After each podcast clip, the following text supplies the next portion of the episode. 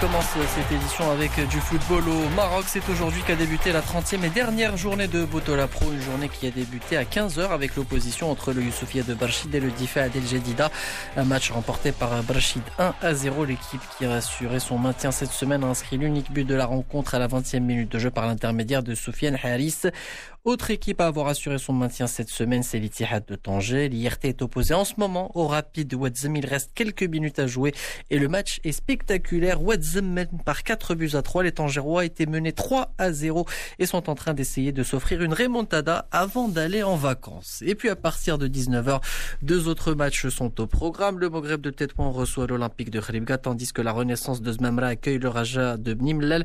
L'OCK et le RBM qui disputeront là leur dernier match en Botola Pro avant de retrouver la deuxième division la saison prochaine. En haut du classement général, c'est demain qu'on connaîtra enfin l'identité du champion du Maroc. Le Raja de Casablanca affronte les phares de Rabat. Une victoire garantirait le sacre aux hommes de Jamal Slami. Derrière, le Wydad de Casablanca sera en embuscade. Le WAC sera opposé au FUS de Rabat. On reste en Afrique où plusieurs matchs amicaux sont au programme de cette fin de semaine. Aujourd'hui, le Cameroun a fait match nul 0 à 0 face au Soudan du Sud.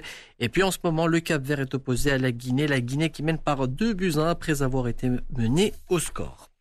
Football en Europe à suivre ce soir les rencontres de la Ligue des Nations. Deux affiches sont au programme du groupe A. L'Ukraine va défier l'Allemagne. Les hommes d'Andrei et Chevchenko tenteront de montrer un meilleur visage que celui affiché cette semaine face à la France et une lourde défaite 7 buts à 1.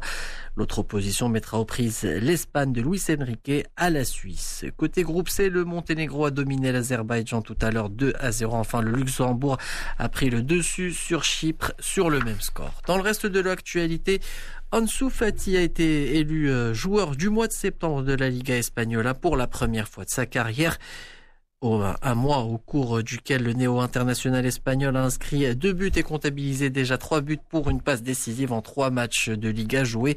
Des statistiques qui parlent pour lui et qui lui ont valu cette récompense.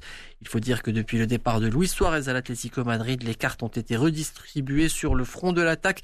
Si Lionel Messi n'a pas de problème à se faire, la concurrence semble rude pour les places restantes. Tennis à présent, Iga Siwatek est devenue aujourd'hui la première polonaise titrée dans un tournoi du Grand Chelem après sa victoire en finale de Roland Garros 6-4 et 6-1 aux dépens de l'américaine Sofia Kenin qui a semblé diminuer physiquement.